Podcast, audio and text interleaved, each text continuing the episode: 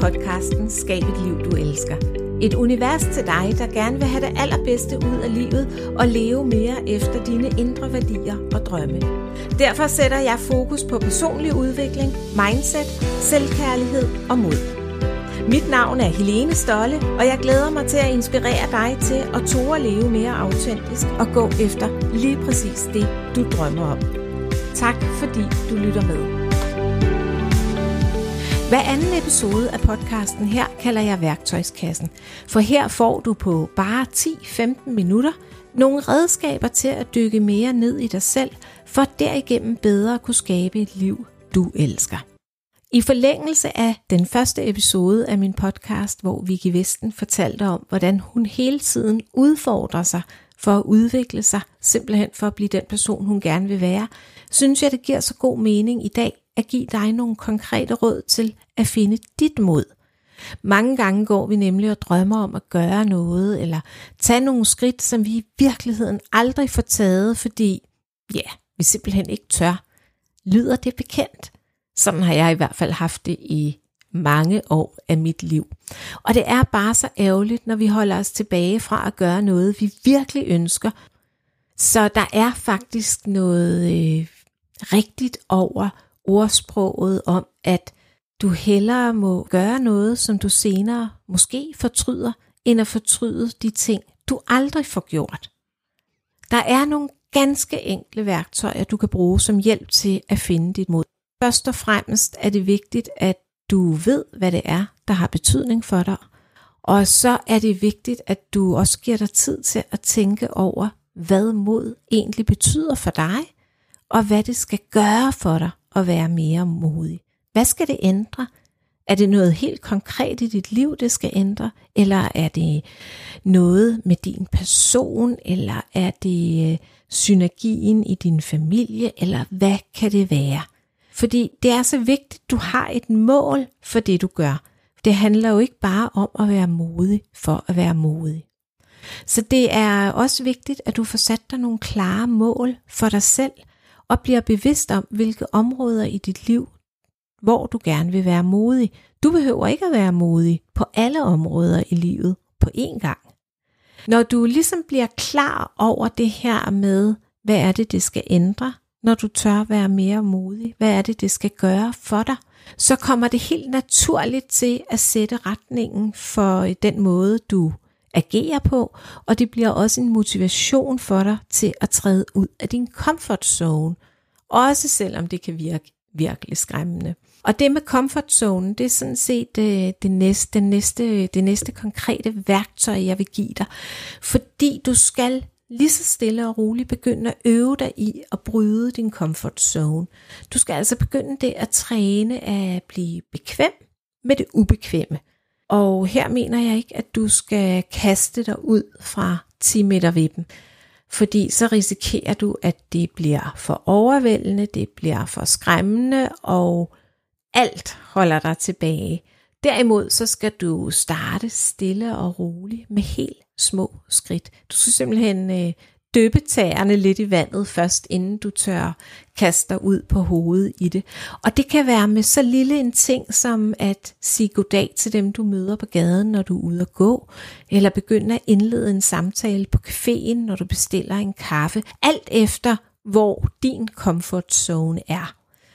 Det, der er det vigtige, det er at forstå, at når du begynder at tage de små skridt først, og gerne gøre det hver dag, så bliver du langsomt mere og mere tryg i det.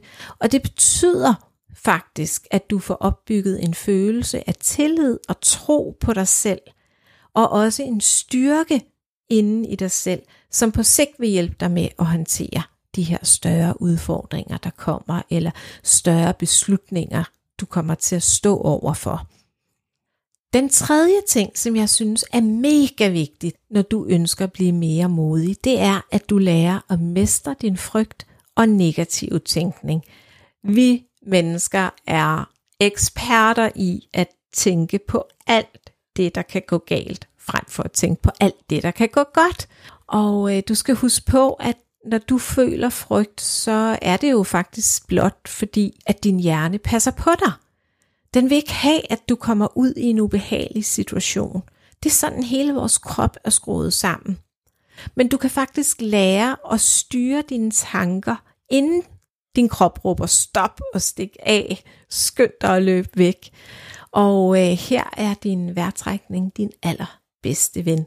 Jeg ved godt, at det er noget, jeg også taler om alle vejen, både på min Instagram og Facebook-profil, øh, og privat og alt muligt, men din værtrækning er din aller, aller bedste ven. Og det er den også lige så snart du kan mærke din frygt eller en nervøsitet, øh, hvis du skal holde en tale eller noget. Men lige så snart du begynder at kunne mærke det her rør inde i din krop, eller du begynder at få negative tanker, så øh, stop op et sekund og brug et lille øjeblik på din vejrtrækning. Du skal simpelthen fokusere på at øh, lige skabe ro i dit system, og det gør du ved at trække vejret helt ned i maven. Og det er at tage en dyb, dyb indånding og få det helt ned i maven, og så puster du simpelthen langsomt ud. Mens du tæller til fire eller gerne til syv, otte stykker, alt efter hvor trænet du er. Og jeg kunne godt tænke mig, at du lige prøver det med mig nu, at vi trækker vejret sådan helt ned i maven, sådan helt dybt.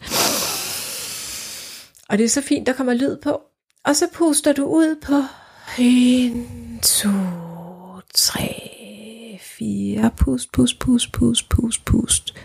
Sagtens holde den til 8, og du dør ikke, selvom du måske synes, det er, er voldsomt at holde den så langt. Men kunne du mærke allerede her, der begynder der at komme ro ud i din krop. Og den dybe vejrtrækning, den kan du gentage indtil du kan mærke, at der kommer styr på dit system, og at du formår ligesom også at få styr på dine tanker.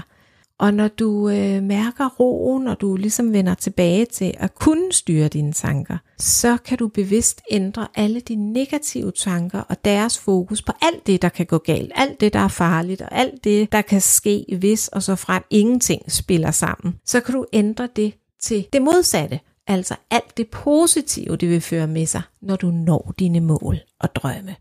De her tre råd er nogle af de allerbedste, jeg har brugt, når jeg har haft brug for at finde ekstra mod i mit liv. Og det er heldigvis, skulle jeg til at sige, sket en del gange.